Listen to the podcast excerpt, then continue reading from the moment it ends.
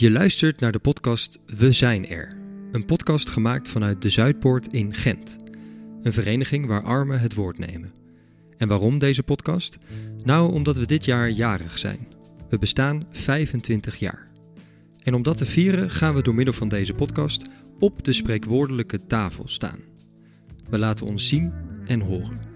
Want wanneer je jarig bent, draait het even helemaal om jou. En we zijn er. Maar we zijn er ook nog lang niet. Armoede is ook in landen als België en Nederland bizar genoeg nog steeds een groot probleem. En dit is de podcast om daar meer over te weten te komen. Een podcast waarin ik met opiniemakers, ervaringsdeskundigen en tientallen deelnemers van de Zuidpoort zelf in gesprek ging om samen één krachtige stem te geven aan onze strijd tegen armoede. Aflevering 4 De economie van armoede. In deze aflevering gaan we het hebben over de economie van armoede.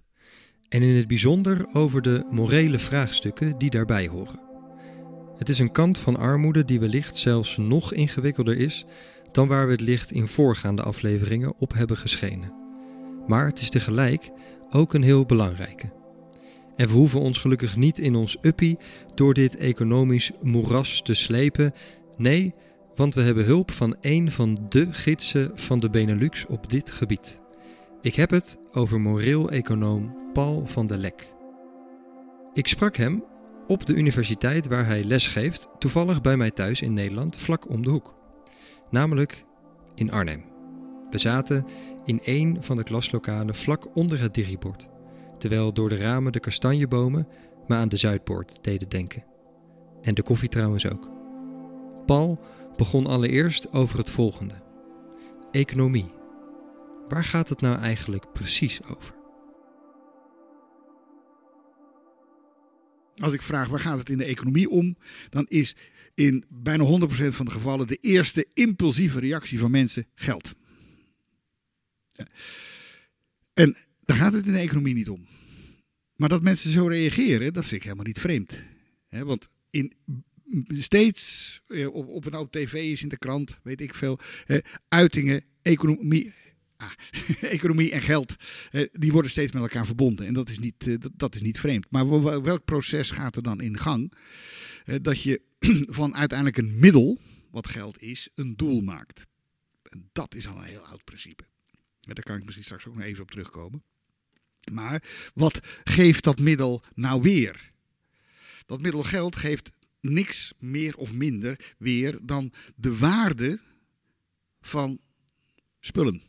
En die spullen, dat moet je heel ruim opvatten natuurlijk. Dat, eh, dat, kunnen daadwerkelijk spullen zijn. Dat kunnen ideeën zijn. Eh, dat kunnen bedrijven zijn. Enzovoort, enzovoort, enzovoort. Maar dat is dus de, de waarde van al die zaken wordt in dat geld uitgedrukt. Dus geld is geen doel, geld is een middel. Economie gaat in mijn idee over verdelingsvraagstukken. Hoe middelen verdeeld worden. dus ik probeer dus mensen duidelijk te maken dat eh, de basis van de economie is een verdelingsvraagstuk.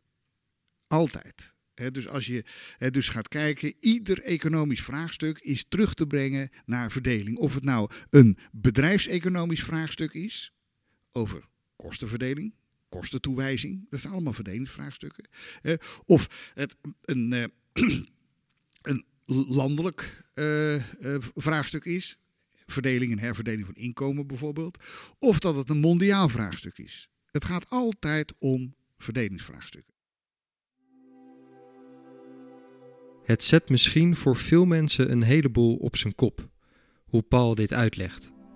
De economie is niet een zelfregulerend systeem dat er uiteindelijk hoe dan ook wel voor zorgt dat iedereen zijn eerlijke deel krijgt. Iets dat we kosten wat kost moeten laten groeien en groeien en verder vooral met rust moeten laten als een enorm dik, vrolijk monster dat met ontblote tanden jolig flappen met geld over de mensen strooit. Nee, dat beeld klopt dus niet. Economie is iets dat we kunnen en moeten sturen. Het is een kwestie van verdelen. En die kwestie brengt hoe dan ook morele vragen aan bod. Want Paul legt nog even haarfijn uit hoe dat monster, er op dit moment voor zorgt dat eerlijkheid ver te zoeken is. Met als voorbeeld energiearmoede. Energiearmoede is een uiting van armoede die of al direct aanwezig was of al latent in de ondergrond aanwezig was. dus door een verandering in de structuur van het systeem stijgt er dus een prijs van een basisproduct, van een basisgoed, in dit geval energie. En de gezinnen die eh, al eigenlijk op de rand zaten, maar op de rand van armoede zaten, hè, maar daar nog niet officieel bij hoorden, die komen daardoor dus wel op de rand van, van armoede. Dus dat waren al gezinnen hè, of huishoudens hè, die potentieel in de armoede terecht zouden kunnen komen met één kleine verandering in het systeem. En die verandering in het systeem zien we dus. Dus het armoedeprobleem komt door, om die term maar even te blijven gebruiken, door die energiearmoede steeds duidelijker naar boven. Maar het is een andere vorm van armoede. Het is niet meer de armoede, dat geldt voor Nederland, denk ik net zo sterk als voor, eh, voor België, dat mensen niet meer in staat zijn om zichzelf in leven te houden. Dat is niet de armoede waar we het over hebben. Dat is de armoede die we in Afrika zien, die andere oorzaken heeft. Maar het is de armoede dat steeds grotere groepen niet meer met het systeem mee kunnen. En dus niet meer hè, dus mee kunnen doen, om het even heel simpel te zeggen, met het spelletje in de zandbak. Er komen steeds meer mensen buiten de zandbak te staan, om uh, die metafoor uh, te gebruiken. Zonder dat ze van honger sterven. Zonder dat ze dus totaal uitgesloten worden van, van middelen. Maar de, de groep die niet meer kan aanhaken op, op, op het systeem wordt steeds groter. En die onvrede, waar ik het dus eh, net over had eh, met eh, studenten die in morele economie geïnteresseerd zijn, die onvrede, die vragen, die zie je bij jongere generaties steeds duidelijker naar voren komen. En daarom is en naar mijn idee een meer morele manier van denken over economie. Dus niet denken vanuit de verdelingsprincipes van de markt die tussen aanhalingstekens dat automatisch doet. Dat is in de praktijk ook niet zo, maar laten we het even zo houden. maar denken vanuit vragen, maar oké, kan dat wel wat we zien? kunnen we als maatschappij wel toestaan dat een steeds grotere groep die gewoon werkt, in armoede vervalt? terwijl uh, er een kleinere groep aantoonbaar, kijk naar de laatste eh, rapporten van Oxfam Novib en van andere instanties, merkbaar rijker wordt, steeds rijker. Terwijl ze die middelen in basis niet nodig hebben.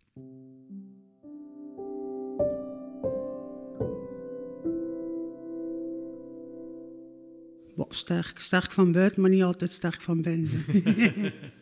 Allee ja, kijk ik ook soms met problemen. Het is nu niet... Uh, maar ja, ik ben nu wel het collectieve, maar dan nog zit het altijd voorzichtig, vind ik. Oeh. Ja? Ja. Want? Bang dat het terug in gaat raken. Hè. En de, de problemen in de armoede, bang hè.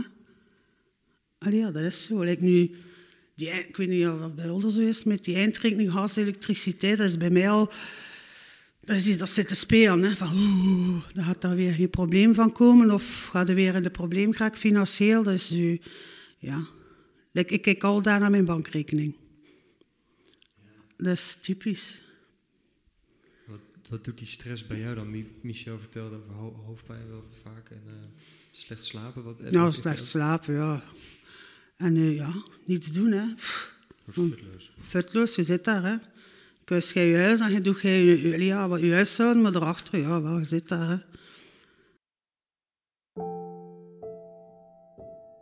Je hoorde een getuigenis van Vivian, welke helpt herinneren dat er niet alleen veel werkende mensen in armoede leven, maar ook veel op het randje van. En dat terwijl de rijkste 1% van België op dit moment maar liefst 24% van het totale vermogen bezit. In Nederland is dat 26%. Een eerlijke verdeling is dus ver te zoeken. Diederik, de oud-voorzitter van de Zuidpoort, die in aflevering 1 van deze podcast al eens aan het woord kwam, schetst een boeiende kijk op dit probleem en een al even boeiende oplossing. Niet gek ook, want Diederik is naast oud-voorzitter ook opgeleid econoom. Ja, de economie is niet kapot. Ik denk gewoon uh, wat anders moet, is uh, dat we de economie terug in functie van, van het welzijn van mensen moeten stellen. En niet omgekeerd. Ah omgekeerd is het ook niet. Ik bedoel, nu is het alsof de economie een soort van uh, wetmatigheid is, zoals een natuurwetmatigheid. Uh, of het soort economie dat we hebben, want het gaat niet om economie op zich, er is niks fout met economie. heeft gewoon te maken met hoe mensen met, uh, ja, met alles omgaan dat een, een, in het leven welzijn kan bieden. Welvaart kan bieden, vooral welzijn, denk ik. Die klemtoon moeten we meer leggen. Maar de economie is een doel op zichzelf geworden. En je voelt dat met, uh, bijvoorbeeld met werk. De, de, dat is een thema dat mij enorm bezighoudt. Wat is nu eigenlijk de betekenis van werk? Um, voor mij, ik val altijd terug op, en ik probeer dat zo ver ik lees er ook, er interessante literatuur rond, maar werk is voor mij in de basis van wat mensen voor elkaar betekenen en kunnen, hoe dat we elkaar kunnen ten dienste zijn ook gewoon. Uh, en dan, dan krijgt dat ook heel, heel zinvolle betekenis. Terwijl als je ziet nu, werk is gewoon een job hebben. En als, met die, als je dan kijkt, wat wordt er nu eigenlijk met die job gemaakt?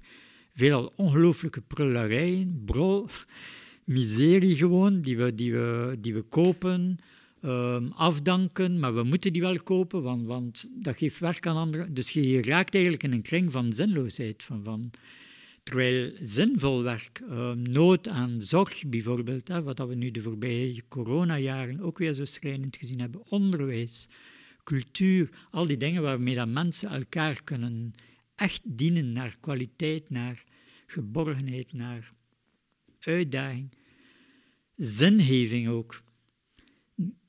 Dat, verdrijft, dat staat zo in de rand van de economie, terwijl het, daar eigenlijk heel centraal moet staan. Maar um, uiteindelijk, er, is zo'n model van een, een Britse econoom, de donut-economie, ik weet niet of je het kent, heel boeiend, omdat die ook wel gewoon um, de focus um, heel scherp legt op de binnenkring, die eigenlijk uh, de ondergrens, die als je de donut ziet, dus het, het, de grens van het gat, die eigenlijk aangeeft, dat zijn de sociale, en ik noem het ook geen sociale minima, want dat klinkt zo minimalistisch, maar de sociale voorwaarden om als mens een goed leven, ik ga niet zeggen een leven in luxe, maar een goed leven te kunnen leiden. Um, dat is die, binnen, die binnenring van de donut. En de buitenring is natuurlijk um, ja, de, de aarde waarop we leven en die haar begrenzingen heeft.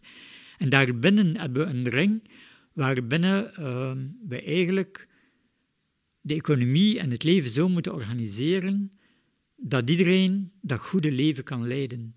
Uh, voilà, dat is de basis, denk ik. Hè. Voor de rest ontwikkelt ze dat dan in, uh, ja, een aantal themata, zoals groei. Uh, ja, vandaag alles staat in functie van groei. En, en het klopt ook, alleen het klopt niet natuurlijk, maar de beeldspraak die is zo verleidelijk. Hè, van de taart moet groter worden als je aan iedereen een groter stuk wilt geven. Maar dat klopt natuurlijk niet als je daar echt dieper op doordenkt. Want het gaat erom van welk soort taart wil je eigenlijk bakken. Hè, waar, waar wil je op uitkomen? Welke taart wil je gebakken? Dat is de vraag die bij mij achterbleef.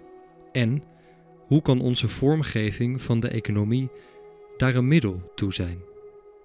Een middel tot welzijn en zingeving, in eerlijkheid verdeeld. Ook schrijver en psycholoog Paul Verhagen, inmiddels een bekende in deze podcastreeks, wierp zijn licht op wat de huidige economie zo problematisch maakt. Met als pijnpunt volgens hem de afschaffing van de overheid. Maar goed, dat gezegd zijnde, ook bij ons neemt de sociale ongelijkheid hand over hand toe. Dat is een, een, een realiteit waar we niet omheen kunnen. En dat maakt deel uit van die eh, sociaal-economische evolutie die eigenlijk van start gegaan is vanaf 1980. We zijn nu voldoende ver in de tijd, dus, we zijn bijna 45 jaar later. We kunnen dat, die stappen heel mooi zien en heel mooi bestuderen. je ziet dat vanaf 1980 de kloof tussen uh, rijkere mensen en armere mensen alleen maar toeneemt en toeneemt en toeneemt. In bepaalde landen gaat dat veel sneller. Alle landen die het Anglo-Saxische model gevolgd hebben, daar is dat heel snel gebeurd. Bij de andere landen is dat trager gebeurd, of zelfs nauwelijks gebeurd. Als je het, het Zweedse model neemt, dan is dat veel minder. Het Anglo-Saxische model is eigenlijk de afschaffing van de overheid de afschaffing van de staat. Uh, dat is begonnen met uh, iemand als een. Uh, hoe heet die, de Reagan, Reagan samen met Thatcher. De bekende uitspraak van Reagan is van uh, the, government is not the solution, the government is the problem. Uh, en dan krijg je, en dat is heel hek, dan krijg je uh, generaties politici die maar één doel hebben, het afschaffen van de overheid. Het afschaffen van belastingen, het afschaffen van openbare aanbestedingen, het, het, afschaffen van zorg, het afschaffen van onderwijs. Het moet allemaal geprivatiseerd worden, want dat is veel beter. Dat moeten we overlaten aan de markt. Eh, en dan zie je bij de kortste keren de gevolgen daarvan. En die gevolgen zijn dat er heel veel mensen uit de boot vallen uh, in een toenemende mate. En eigenlijk kan je het best samenvatten als volgt. Uh, de, de middenklasse valt weg. Dus uh, we hadden vroeger uh, en dan bedoel ik voor 1980, een redelijk normale stratifiering, stratificatie van de maatschappij, met verschillende lagen boven elkaar, uh, waardoor iedereen ook wel ja, een, een, plaats kon innemen die niet eens zo slecht aanvoelde. Um, en nu, met het wegvallen van de middenklasse, heb je een lagere groep die opkijkt naar een hogere groep, en heb je een hogere groep die neerkijkt op een lagere groep. Dit is maatschappelijk gezien zeer ongezond.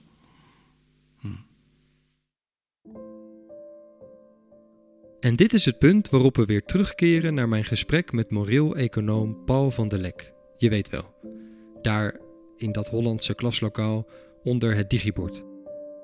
Want het is in deze aflevering nu steeds duidelijker geworden hoe het huidige economisch systeem de kloof tussen arm en rijk groter en groter maakt.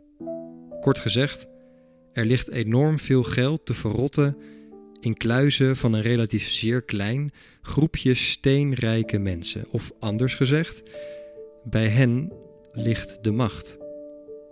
En natuurlijk liggen er oplossingen in allerhande herverdelingen die vanuit de overheid kunnen worden opgelegd. Dat moeten we niet vergeten. Maar dat kleine groepje, die rijke stinkerts, met, zoals Lilianne in de vorige aflevering al zei, hun voetbalstadions en bonushuisjes in Verwegistan, kunnen vandaag al beginnen met het maken van een verschil. En ook Paul wees in mijn gesprek met hem zijn vinger naar deze welvarende elite. Uh, want er wordt namelijk uh, ook vanuit de moraliteit gedacht over nieuwe invullingen van, van, van kapitalisme. Kapitalisme kan je op een heleboel verschillende manieren invullen. Ja, ik probeer, eh, dan ga ik eh, verder op die ene invulling. Ik probeer even terug te gaan naar de basis. Uh, kapitalisme draait om het verschijnsel privé-eigendom. En eigendom bestaat dus niet in een natuurlijke situatie. Eigendom hebben wij als mensen gecreëerd. Dat is een concept dat wij gecreëerd hebben. Eigendom ontstaat bij de notaris. Eigendom ontstaat door wetgeving. Eigendom ontstaat door papieren. Eigendom is dus niks meer of minder dan een idee. Een olifant heeft geen eigendom. Ja, heeft dingen in bezit genomen. Ja, een vogel is geen eigenaar van zijn of haar nest. Hij heeft het wel zelf gebouwd, heeft het in bezit genomen, maar kan er gewoon door een andere vogel uitgetrapt worden. En die vogel heeft geen enkele mogelijkheid om naar een instantie te gaan van dit is mijn nest. Ja, ik zie je lachen. maar uh, dat, dat vind ik juist ook het leuke. Dan heb je dus met hele stomme, simpele voorbeelden. krijg je een beeld van de constructie waar wij als mensen in leven. We hebben dus een, een wereld gecreëerd van ideeën die in de praktijk tot uitdrukking komen. En dat kapitalisme is er dus één van. Ja, dus door het creëren van eigendom vertalen wij een idee dat wij dus moeten handhaven met wetten, wetten, papieren enzovoort, vertalen wij een idee naar de praktijk. Ja, en, uh, maar waar we dus als mensen ons meer bewust van moeten worden, ja, dat is dat naar mijn idee het hebben van eigendom helemaal niet het probleem hoeft te zijn. Maar dat eigendom verantwoordelijkheid met zich meebrengt. Ja, dat je dus bewust bent van het feit dat je, wat ik net ook zei, dat als je dus op een gegeven moment iets in eigendom krijgt, ja, uh, dat je het onttrekt aan de ander. Dus uh, dan komen we weer op het, uh, op, op het verdelingsvraagstuk uit en op de moraliteit. In ehm, vrijwel alle culturen die ik ken, en ik ken natuurlijk niet alle culturen, is er een morele verordening om armen te helpen. Dat is al van, uh, van heel oud. Uh, lees de Bijbel er maar op na. Ja, op dit moment dat we deze podcast maken, is het Ramadan voor de moslims. Ja, en dat is niet alleen hè, dat ze tussen zonsopgang en zonsondergang hè, niet mogen eten, maar dat ze dus ook aalmoezen moeten geven. Dus ze moeten ook zorgen voor de armen. Hè, dus ze moeten datgene wat ze zelf hebben delen met degene die dat niet hebben. dus we hebben christelijke cultuur, moslimcultuur. In allerlei andere culturen komt, dat, uh, komt dat ook voor. dus de, de, de, morele plicht om de armen te helpen. In kapitalistische structuur, in een strak kapitalistische structuur, is het dus zo, eigenlijk zoals je net, uh, net zei, iedereen is verantwoordelijk voor zijn eigen situatie. Dus automatisch, even generaliserend, automatisch het economische denken van ja, maar als je arm bent, dan heb je het aan jezelf te danken. Dus ja, dan moet je er op eigen kracht ook weer uitkomen. Ja? Uh, was het maar zo. Ja? Was het maar zo dat uh, niet dat, dat mensen armoede aan zichzelf danken, maar dat mensen uit, op eigen kracht uit de armoede konden komen, dan zaten we hier niet. Dan hoeven we dit gesprek niet te voeren. dan bestond er namelijk gewoon geen armoede. Ja? dus er moet niet alleen een beleid komen van de overheid, hè, wat op andere, uh, naar andere verdelingsnormen gaat, maar er moet ook een, uh, een uh, verandering komen in de moraal over sowieso denken over economische vraagstukken. Economische vraagstukken zien als verdelingsvraagstukken en niet welvaartsvraagstukken. Als ik deze aflevering kort probeer samen te vatten, kom ik op het volgende. De economie is geen doel op zich en het is geen vrolijk monster dat eerlijk de flappen verdeelt. De economie is een verzinsel van onszelf. Een middel waarmee we naast welvaart kunnen zorgen voor welzijn. Een middel waarmee we het antwoord op de volgende morele vraag kunnen vormgeven. Verdient niet ieder mens een waardig leven? En het antwoord daarop is natuurlijk ja.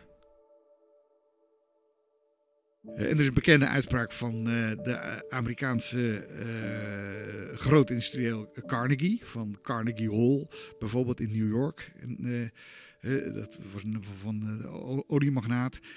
en die zei van, het is helemaal geen probleem om rijk te leven, maar het is moreel niet verantwoord om rijk te sterven.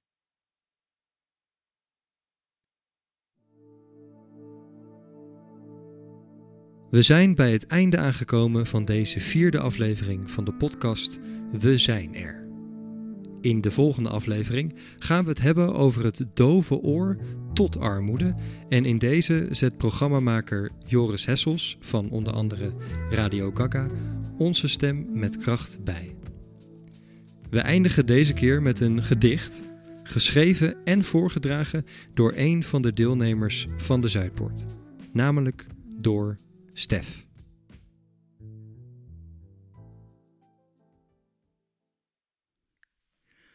Traag lei ik weg.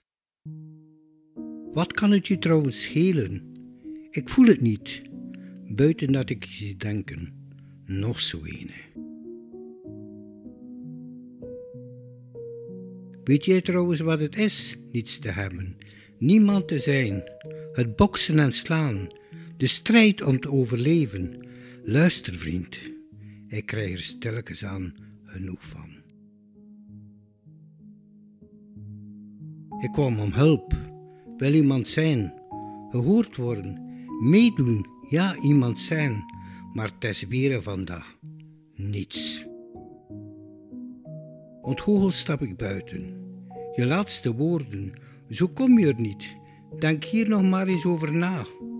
Ja, het ligt aan u. Pak dat maar mee. Maar wat pak jij mee? Zo graag willen en niets die me lukt. Ooit al eens hierbij stilstaan? Rijden we ooit die kloof toe of blijven we naar elkaar kijken? Ieder van op zijn balkon.